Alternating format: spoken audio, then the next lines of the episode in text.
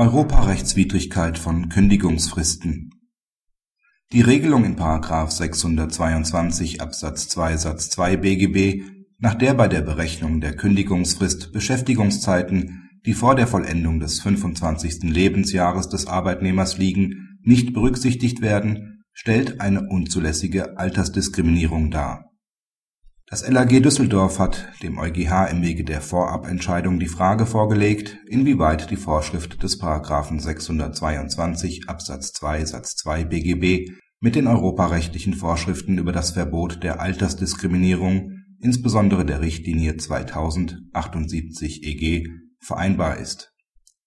Darüber hinaus stellt das LAG die Frage, welche Konsequenzen sich für eine mögliche Europarechtswidrigkeit der Vorschrift für ihre Anwendung durch die nationalen Gerichte ergeben.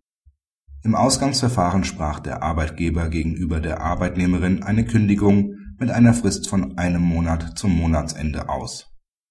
Bei der Berechnung der Kündigungsfrist ließ er Beschäftigungszeiten, welche die Arbeitnehmerin vor ihrem 25. Lebensjahr bei ihm zurückgelegt hatte, außer Betracht unter Einbezug dieser Zeiten hätte die Kündigungsfrist gemäß § 622 Absatz 2 Nr. 4 BGB vier Monate zum Monatsende betragen. Der EuGH hält die einschlägige nationale Regelung des § 622 Absatz 2 Satz 2 BGB für europarechtswidrig. Der Sachverhalt fällt in den Anwendungsbereich des europäischen Rechts. In der fraglichen Bestimmung des BGB ist bestimmt dass Beschäftigungszeiten vor Vollendung des 25. Lebensjahres bei der Berechnung der Kündigungsfrist nicht zu berücksichtigen sind. Bei einer derartigen Regelung werden Bestimmungen über Entlassungsbedingungen aufgestellt, die an das Alter anknüpfen.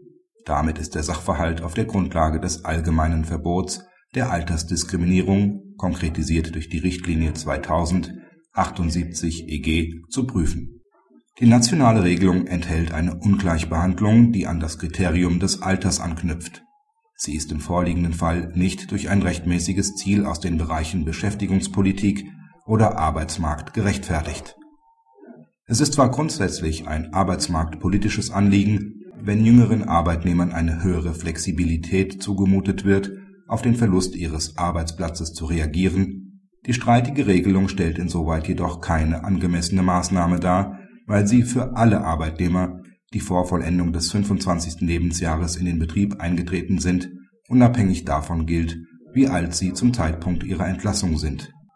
Die Regelung ist auch nicht dazu geeignet, den Kündigungsschutz entsprechend der Betriebszugehörigkeit zu verstärken, da sich diese Verstärkung für Arbeitnehmer, die vor Vollendung des 25. Lebensjahres in den Betrieb eingetreten sind, zwangsläufig nach hinten verschiebt Folge der Europarechtswidrigkeit ist die Verpflichtung der nationalen Gerichte, die dem Unionsrecht entgegenstehende Bestimmungen bei ihrer Entscheidung unangewendet zu lassen. Das gilt selbst in Fällen, in denen keine Vorabentscheidung über die Vereinbarkeit der Norm mit dem europäischen Recht ergangen ist. Die nationalen Gerichte sind lediglich berechtigt, aber nicht verpflichtet, bei einem Zweifel über die Vereinbarkeit einer nationalen Regelung mit dem europäischen Recht den EuGH um eine Vorabentscheidung über die Auslegung des Unionsrechts zu ersuchen.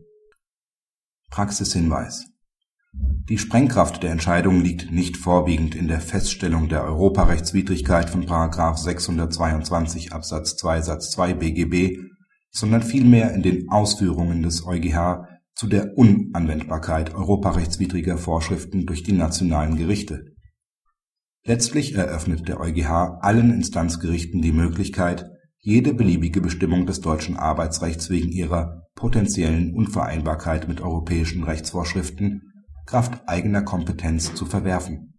Das an sich bestehende Verwerfungsmonopol des Bundesverfassungsgerichts wird damit im Bereich des Europarechts praktisch abgeschafft. Ob sich die dortigen Richter das gefallen lassen, bleibt abzuwarten